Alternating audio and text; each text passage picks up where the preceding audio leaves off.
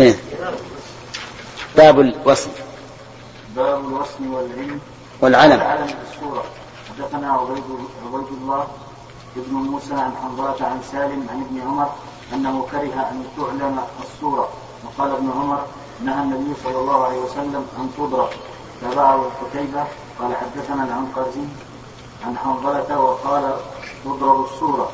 حدثنا أبو الوليد قال حدثنا شعبة عن هشام بن زيد عن أنس قال دخلت على النبي صلى الله عليه وسلم بأخ لي يحنكه وهو في مربد له فرأيته يسم شاة حسبته قال في آذانها. نعم الوسم هذا لا بأس به وإن كان فيه شيء من التعذيب والإيلام للحيوان لكن فيه مصلحة للإنسان لأن الوسم بمنزلة الكتابة. فأنت لو كتبت هذه ملك فلان أغنى عنها الوصف. إذ أن لكل قبيلة بل ولكل فخذ من قبيلة ها وصم وصما خاصا وصما خاصا بهم حتى أن الإبل لتضيع وتبقى مدة. فيعرفها الناس أنها لآل فلان بسبب الوصم إذا في الوصم لا شك أنه مهم جدا. ولذلك أجازه الشارع مع أنه تعذيب بالنار. وفيه أيضا دليل على أن الأذن ليست من الوجه. لأن الرسول صلى الله عليه وسلم كان يسمها في آذانها. والضرب على الوجه منهي عنه ووسمه أيضا منهي عنه. ولهذا ينهى أن توسم الإبل على لحاها. وخدودها خلافا لما يفعله بعض البادية. طيب شوف أن تعلم الصورة أقرأ لي معناها. الفتح.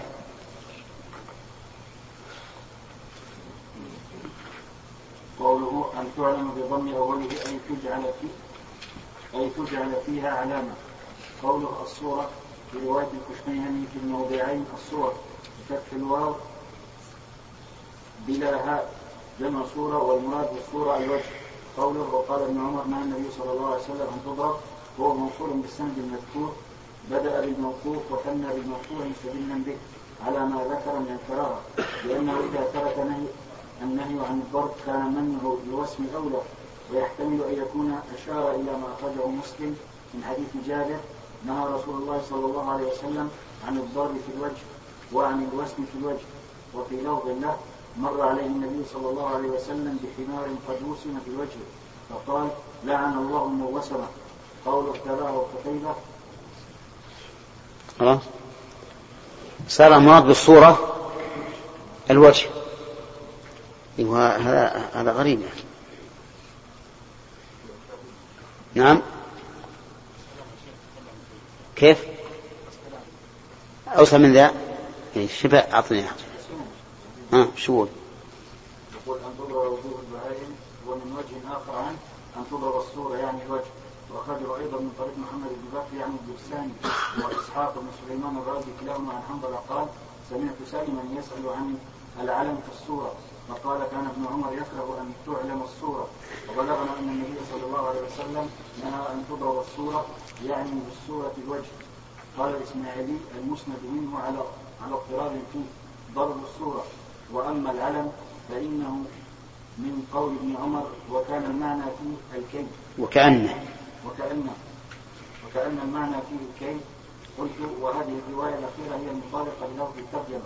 وعطف الوسم الوسم عليها إما عطف تفسير إما عطف تفسيري وعطف وعطف الوسم عليها. إحنا عندنا هي العلم معطوف على الوسم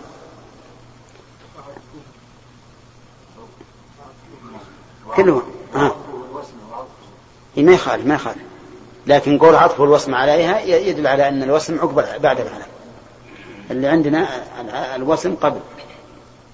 لكن كان فيه إشارة باب العلم والمسلم باب العلم والمسلم طيب. نعم. ها؟ اي حتى عندنا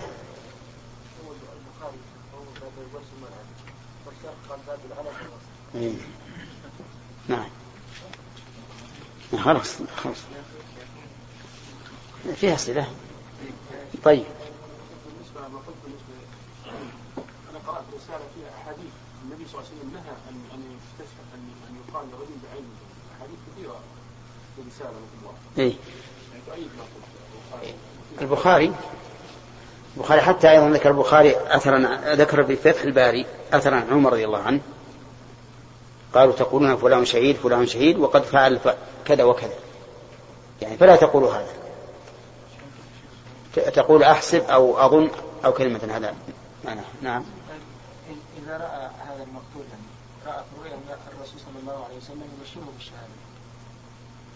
إذا حصل هذا فأتني وأفتيك إن شاء الله. حسن يا شيخ. نعم. حسن يا شيخ. نعم. من الوجه.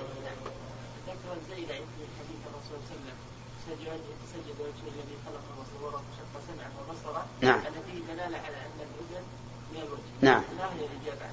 الإجابة بسيطة هذه. طالها من باب المجاورة. من باب المجاورة. ولا لا شك أن الأذن من الرأس. ولهذا في الوضوء تطهر مع الرأس ما هو مع الوجه. نعم. لأجل المجاورة. لأجل المجاورة. هنا باب نعم. أصاب قوم غنيمة. وذبح بعضهم غنما أو إبلا بغير أمر أصحابهم لم تؤكل بحديث رافع عن النبي صلى الله عليه وسلم. وقال طاووس وعكرمة في ذبيحة السارق اطرحوه. حدثنا مسدد قال حدثنا أبو الأحوص قال حدثنا سعيد بن مسلوق عن عباية بن رفاعة عن أبيه عن جده رافع بن خليل قال قلت للنبي صلى الله عليه وسلم إننا نلقى العدو غدا وليس معنا مدن فقال ما أنهر الدم وذكر اسم الله عليه وذكر اسم الله.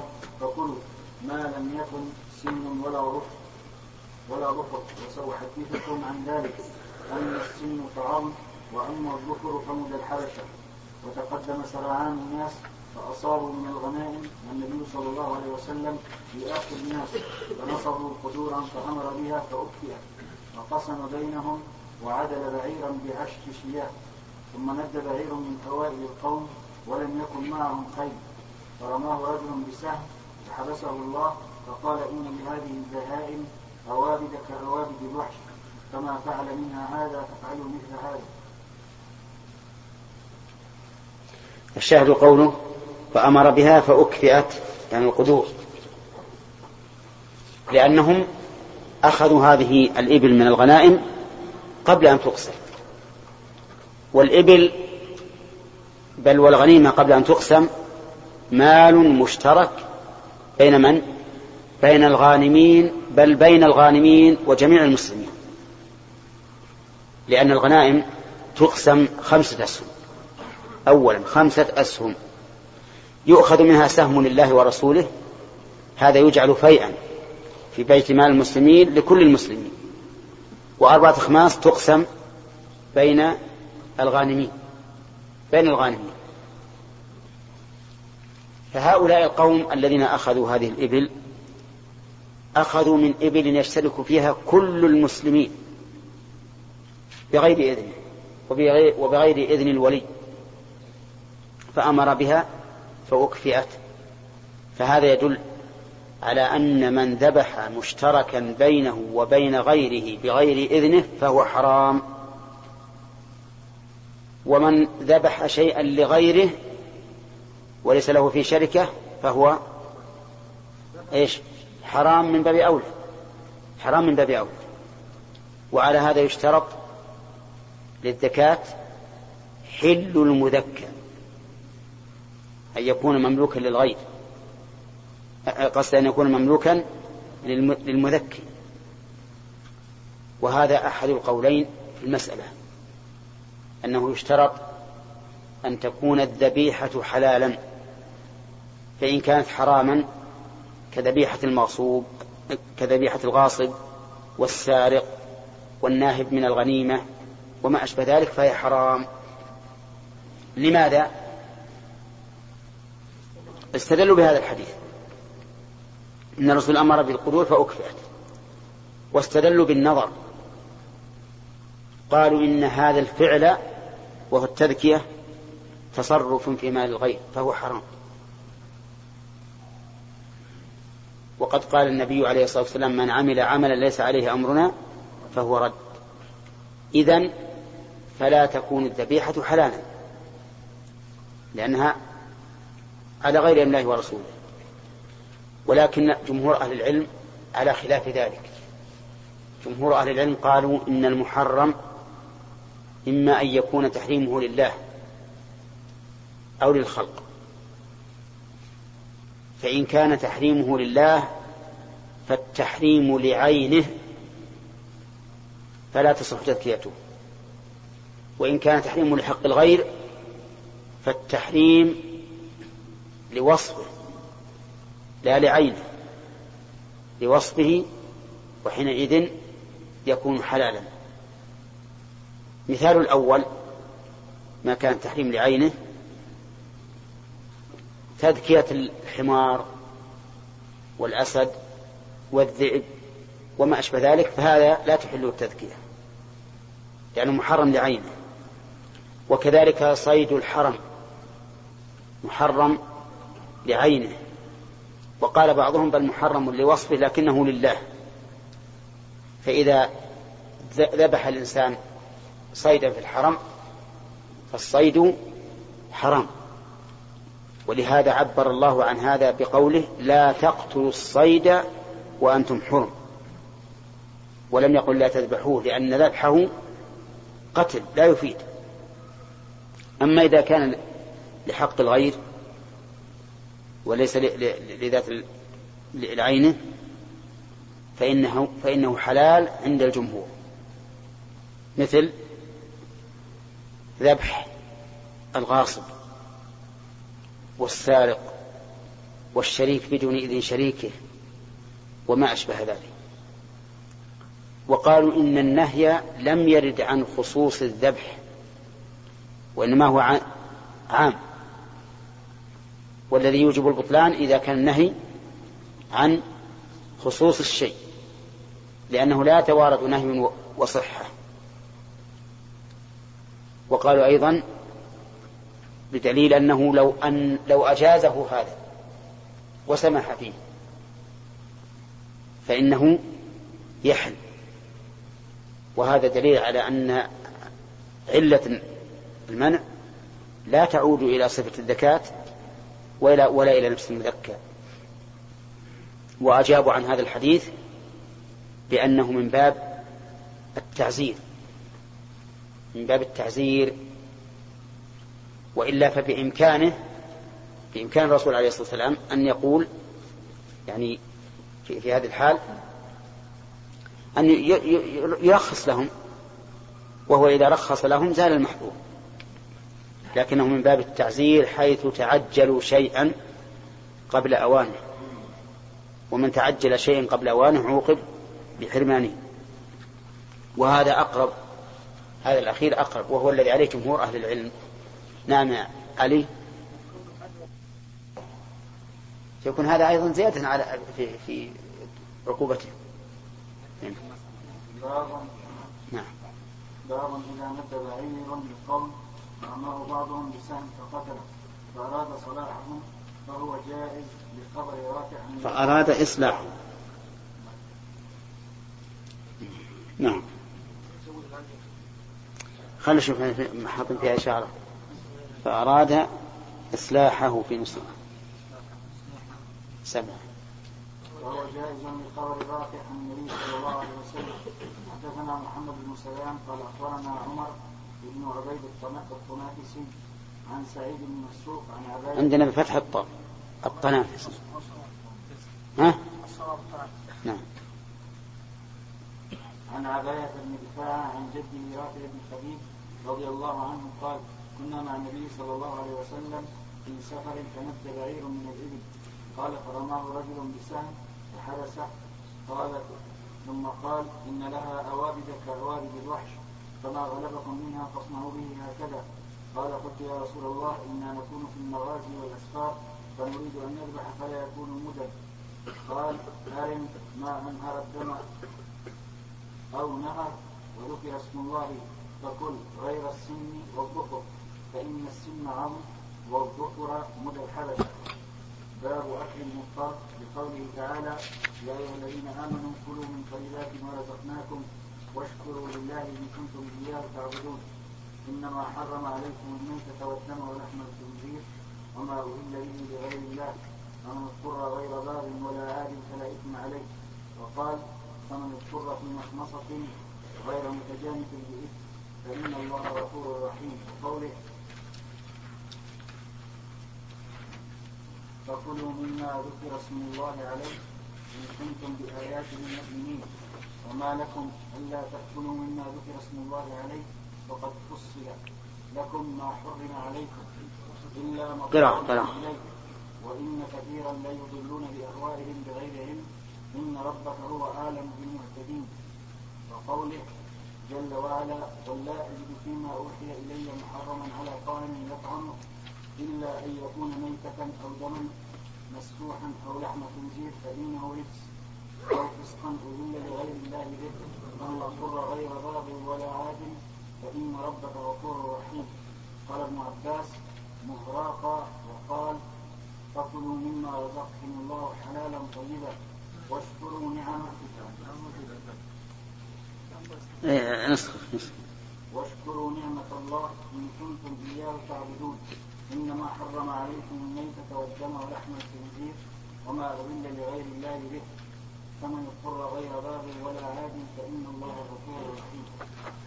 المؤلف المؤلف رحمه الله ما ذكر حديثا في هذا ولعله لم يجد حديثا على شرطه لكنه ذكر آيات تدل على أن المضطر يأكل ما شاء. والمضطر هو الذي أصابته الضرورة وألجأته الضرورة إلى الأكل.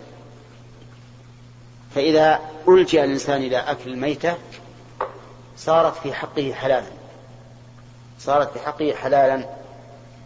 وهل يأكل منها حتى يشبع؟ نقول لا. لا يأكل حتى يشبع. لأن الضرورة يجب أن تتقدر بقدرها. هل له أن يحمل؟ نعم. له أن يحمل. له أن يحمل. لأن الحمل ليس بأكل. إن احتاج إليه أكله وإن استغنى عنه رمى به وتركه. طيب. في الآيات الكريمة اللي ذكر المؤلف عدة فوائد. أولا أمرنا الله تعالى بالأكل من طيبات ما رزقنا أي أعطانا. وهذا الأمر أمر إباحة وقد يكون ندبا وقد يكون واجبا. فإن ترتب على ترك الأرض الأكل ضرر صار الأكل واجبا وإن ترك الإنسان الأكل تعففا وتورعا صار الأكل مستحبا بل قد نلزمه بالأكل. وإن تركه لعدم اشتهاء إياه فهذا مباح. المهم أن الله أباح لنا الطيبات. وصدره بالإيمان لأن غير المؤمن لا يحل له أكل الطيبات لكنه لا يمنع منه إنما لا يحل له. وفائدة قولنا لا يحل له مع قولنا لا يمنع كثرة عقابه في الآخرة أنه يعاقب على ما أكل في الآخرة. الكافر الآن لا يرفع لقمة إلى فيه إلا حوسب عليها ولا يبتلع جغمة من الماء إلا حوسب عليها. ولا يلبس ثوبا يستره من الحر أو من البرد إلا عوقب عليه. لكن لا يمنع. لا يمنع. لا يمنع بالرحمة العامة ولا الخاصة؟ بالرحمة العامة. دليل ذلك ليس على الذين آمنوا وعملوا الصالحات جناح فيما طعموا إذا ما اتقوا. فدل ذلك على أن غير المؤمنين العاملين الصالحات عليهم جناح. وقال تعالى قل من حرم زينة الله التي أخرج لعباده والطيبات من الرزق. قل هي للذين آمنوا في الحياة الدنيا خالصة يوم القيامة. للذين آمنوا في الحياة الدنيا. خالصة يوم القيامة لا يحاسبون عليها. إذن غير المؤمنين ليست لهم ولا خالصة لهم يوم القيامة. والمعنى يقتضي ذلك أنه لا يحل لهم الأكل والشرب واللباس والسكن بمعنى أنهم يعاقبون عليه. لأننا نقول هؤلاء الذين خلقهم الله وخلق لهم فأعدهم وأمدهم ثم كفروا نعمته العقل يقول أحل لهم ما أعطيتهم أو حرم عليهم ما أعطيتهم. حرم عليهم ما أعطيتهم. قوم تمردوا عن طاعة الخالق المعد الممد. ثم يقال كلوه حلال لكم. هذا خلاف النظر والعقل الصريح. فالسمع والعقل دل على أن مقتضى الحكمة أن يحاسب هؤلاء على ما أكل.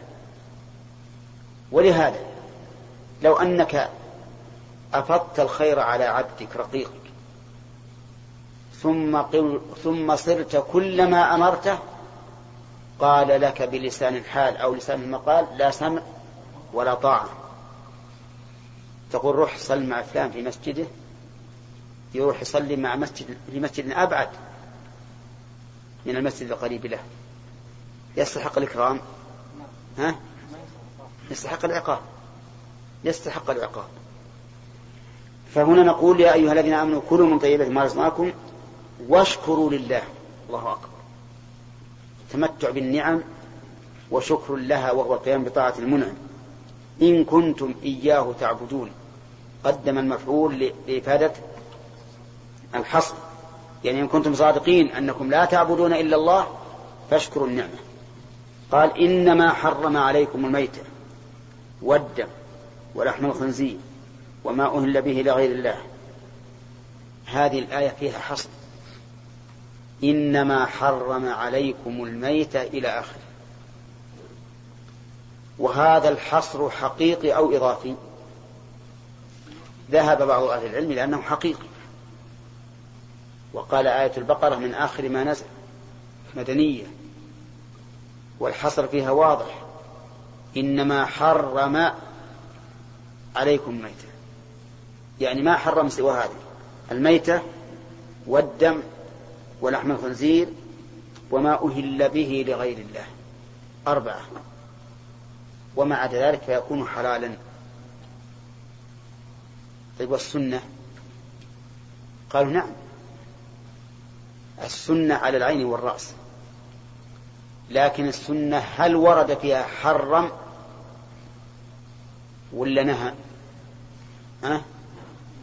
إذا كانت نهى فالنهي قد يكون للكراهة لا للتحريم.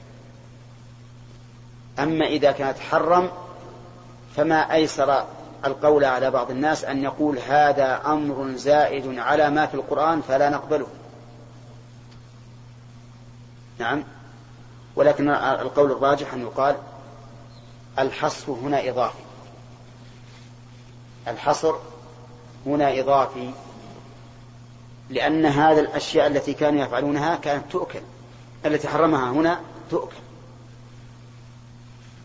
فمن أجل التأكيد على حرمتها حصر التحريم فيها كأنه لم يحرم في الدنيا إلا هذه التي أنتم تستحلونها. فيكون الحصر إضافيا. ونعمل بما دلت عليه السنة من تحريم الحمر الأهلية وكل ذي ناب من السباع وكل ذي مخلب من الطير. وقوله فمن اضطر غير باغ ولا عاد فلا إثم عليه. باغ الصواب أن المراد بالباغي هنا الطالب. يعني الطالب للحرام المتشهلة ولا عاد المتعدي الذي يتناول ما لا يحتاج إليه. ولا يضطر إليه. نعم.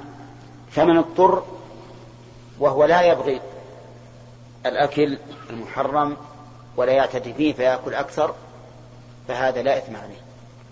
أما من اضطر ثم ابتغى الأكل المحرم بأن كان عنده مذكات لكنها هزيلة وميتة ولكنها سمينة وقال أنا مضطر له مضطر. فماذا أصنع؟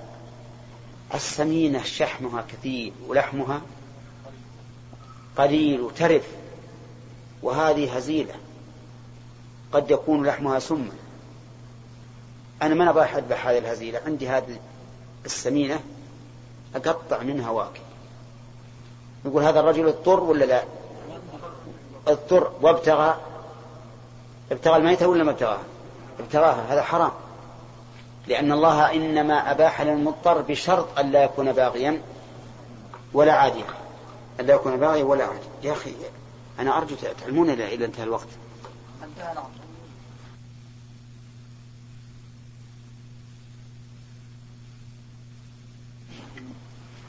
الحمد لله رب العالمين صلى الله وسلم على نبينا محمد وعلى اله وصحبه اجمعين قال البخاري رحمه الله تعالى كتاب الاضاحي لا ما كملنا البحث. في الآيات.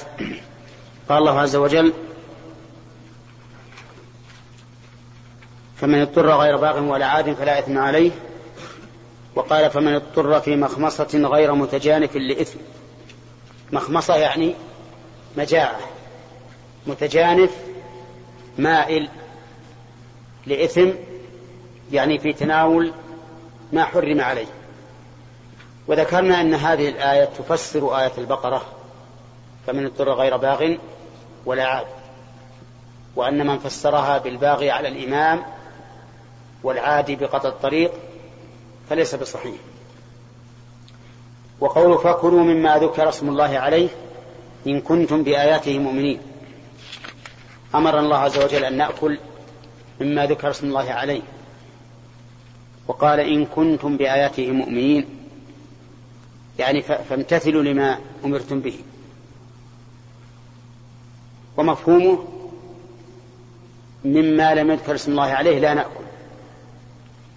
لا نأكل مما لم يذكر اسم الله عليه. لماذا؟ لأنه حرام. ثم قال وما لكم ألا تأكلوا مما ذكر اسم الله عليه. استفهام بمعنى التوبيخ.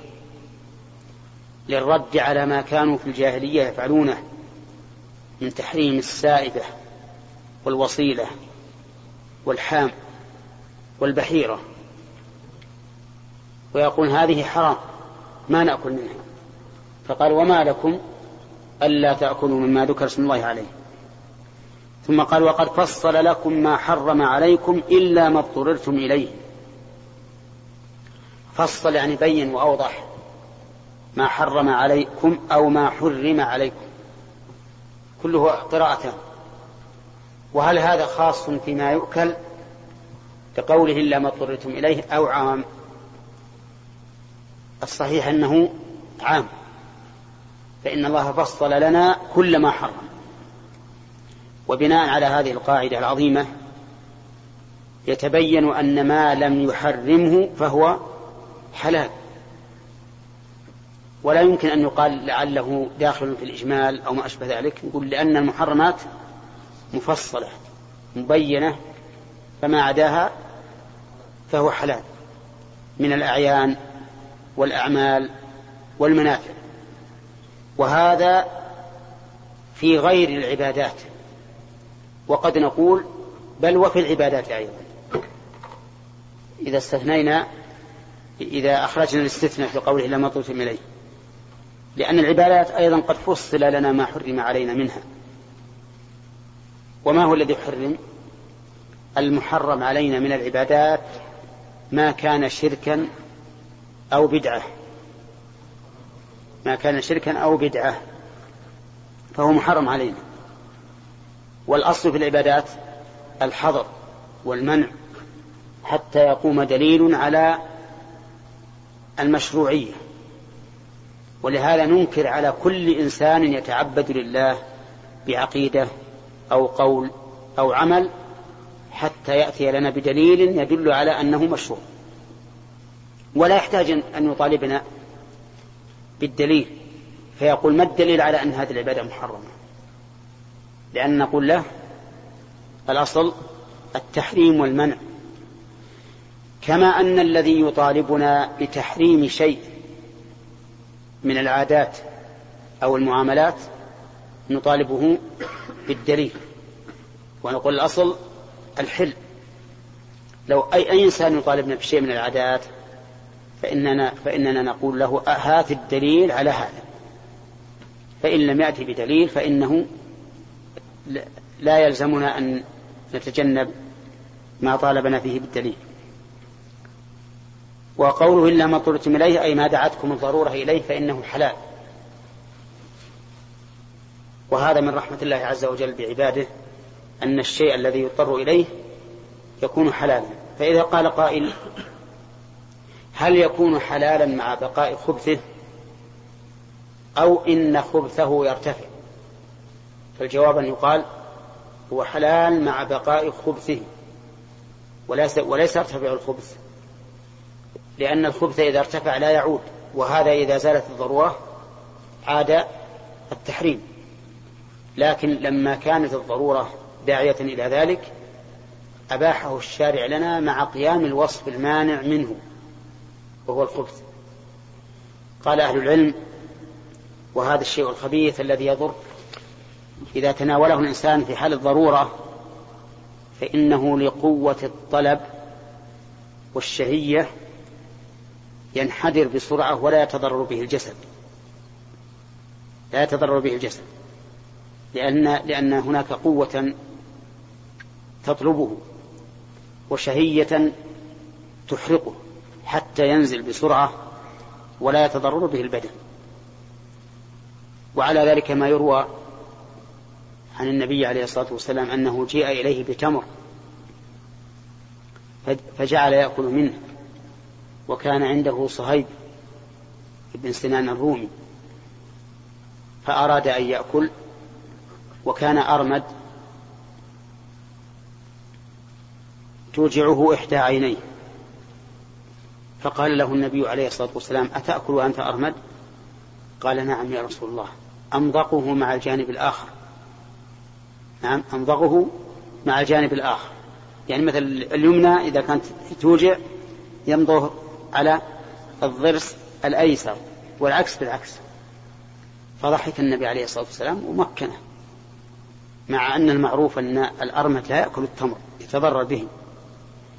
قال ابن القيم تعليقا على هذا لأنه لما كانت قوة لما كانت النفس تطلبه بقوة صارت تقبله بسرعة وتحرقه ويزول ويزول ضرره.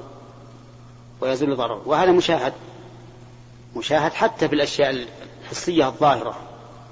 إذا كان الإنسان مشتاق للشيء يصبر على تحمله ولا يتضرر به. ثم قال عز وجل وإن كثيرا ليضلون بأهوائهم بغير علم. إن ربك هو أعلم بالمعتدين إن كثيرا من أين؟ من أي أحد؟ من الناس.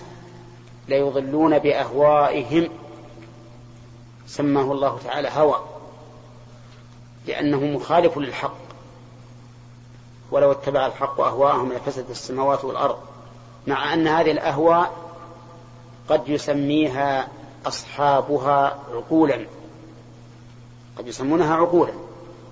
ويقول العقل دل على كذا العقل يمنع كذا. ولكنها في الحقيقة هوى. يضلون الناس بأهوائهم. بغير علم. منين؟ من الشرع. يعني عندهم فهوم لكنها منحرفة ليس عندهم علوم. وكما قال شيخ الإسلام في المتكلمين يقول إنهم أوتوا فهوما ولم يؤتوا علوما وأوتوا ذكاء ولم يؤتوا زكاء. شوف سبحان الله.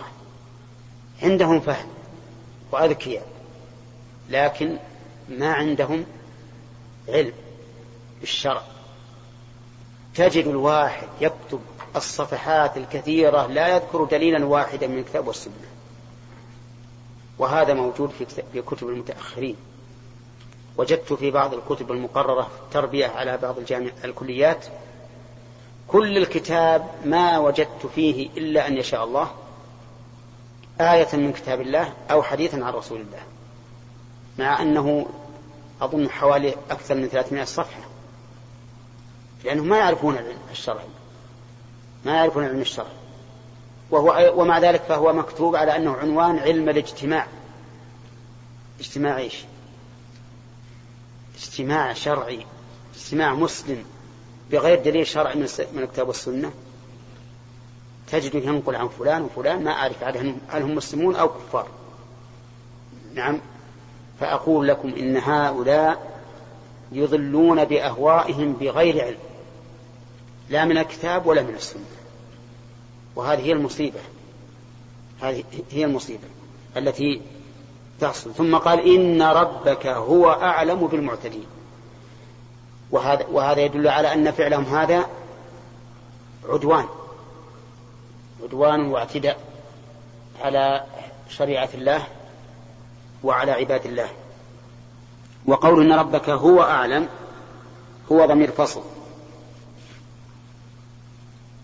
للتأكيد. وأعلم قيل إنها بمعنى عالم والصحيح بلا شك أنها اسم تفضيل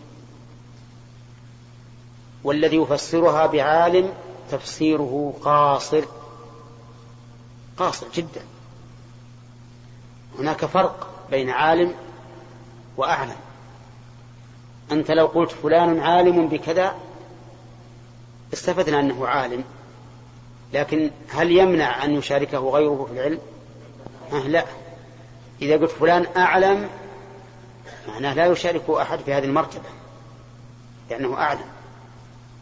هنا نقول أعلم بالمهتدين اسم التفضيل على بابه ولا يصح أبدا أن نفسره بعالم للقصور في المعنى فهو جناية على اللفظ وجناية على المعنى في الواقع.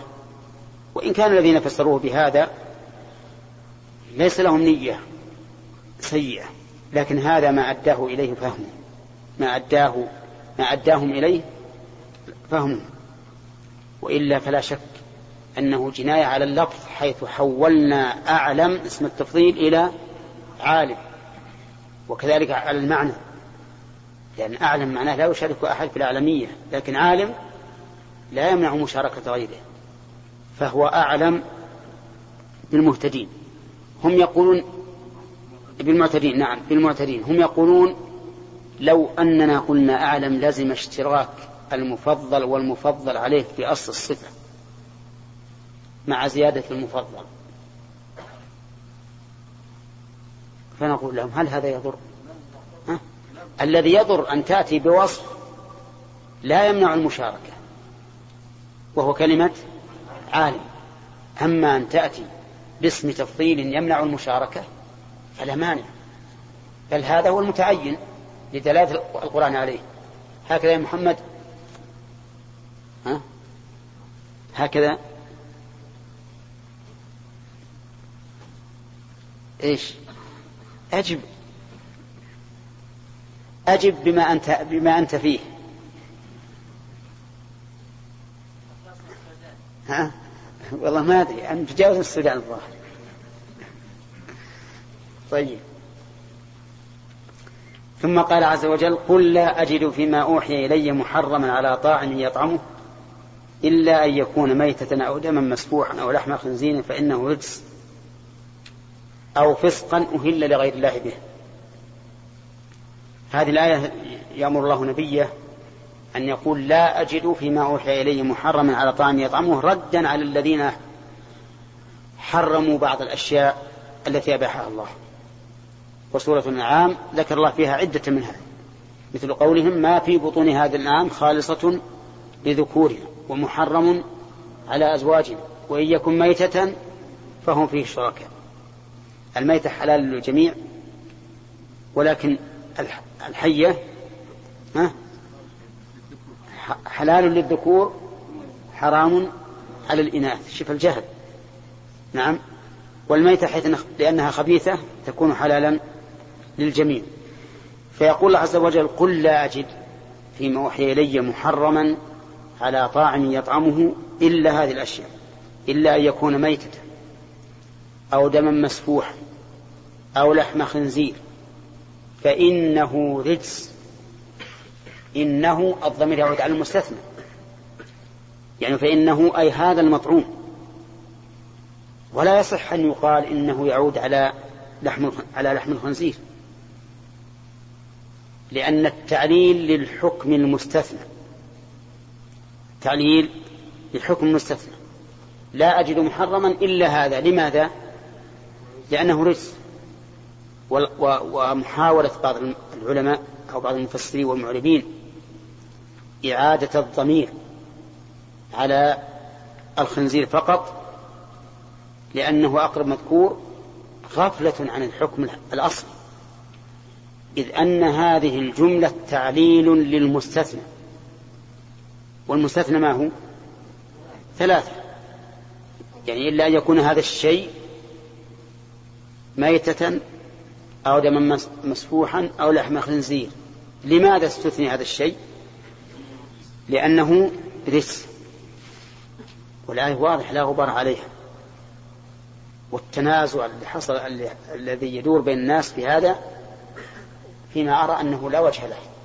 ولا حاجة إليه ونحن في استغناء عنه. وقوله أو فسقا معطوف على ميتة.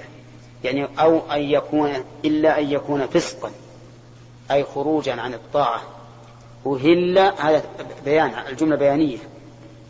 ولهذا فصلت أو وصلت عن الجملة التي قبلها. ها؟ فصلت ولا وصلت؟ ها؟ هما جانا عندنا قاعدة في في البلاغة. ما كان عطفا بالواو فهو وصل. وما كان عطفا وما لم يكن عطفا بالواو فهو فصل. إذن الجملة مفصولة. الجملة مفصولة لبيان معنى الفسق وهو أهل لغير الله به أو فسقا أهل لغير الله به. ثم قال فمن اضطر غير باغ ولا عاد فما فلا فمن اضطر غير باغ ولا عاد فإن ربك غفور رحيم. يعني وقد غفر له ورحمه. وهذا يدل على أن الوصف الموجب للتحريم باقي. لكن أحل للضرورة بناء على مغفرة الله ورحمته. لا على أن الخبث زال. ثم قال وقال تعالى فكلوا مما رزقكم الله حلالا طيبا واشكروا نعمة الله إن كنتم إياه تعبدون. إنما حرم عليكم ميتة والدم ولحم الخنزير وما أهل لغير الله به. فمن اضطر غير باغ ولا عاد فإن الله غفور رحيم. ما سبقت هذه؟ طيب. كلوا من طيبات ما رزقناكم. هنا يقول كلوا مما رزقكم الله حلالا طيبا. واشكروا نعمة الله. ها؟ واشكروا لله.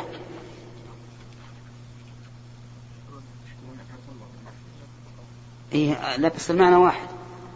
واشكروا نعمة الله إن كنتم لا تعبدون. وهنا قال واشكروا لله إن كنتم إياه تعبدون. إنما حرم عليكم ما يتودم نفس الشيء. شرحناها يعني. فمن اضطر غير باغ ولا عدم فلا إثم عليه. إن الله غفور رحيم وهنا قال فإن فإن الله غفور رحيم. تم الكلام على الآيات كلها تدل على جواز أكل المحرمات عند الضرورة. وقد ذكرنا أن الضرورة تتقدر بقدرها وأنه لا يجوز أن يأكل أكثر مما يسد رمقه. وأما الحمل فقلنا إنه يحمل.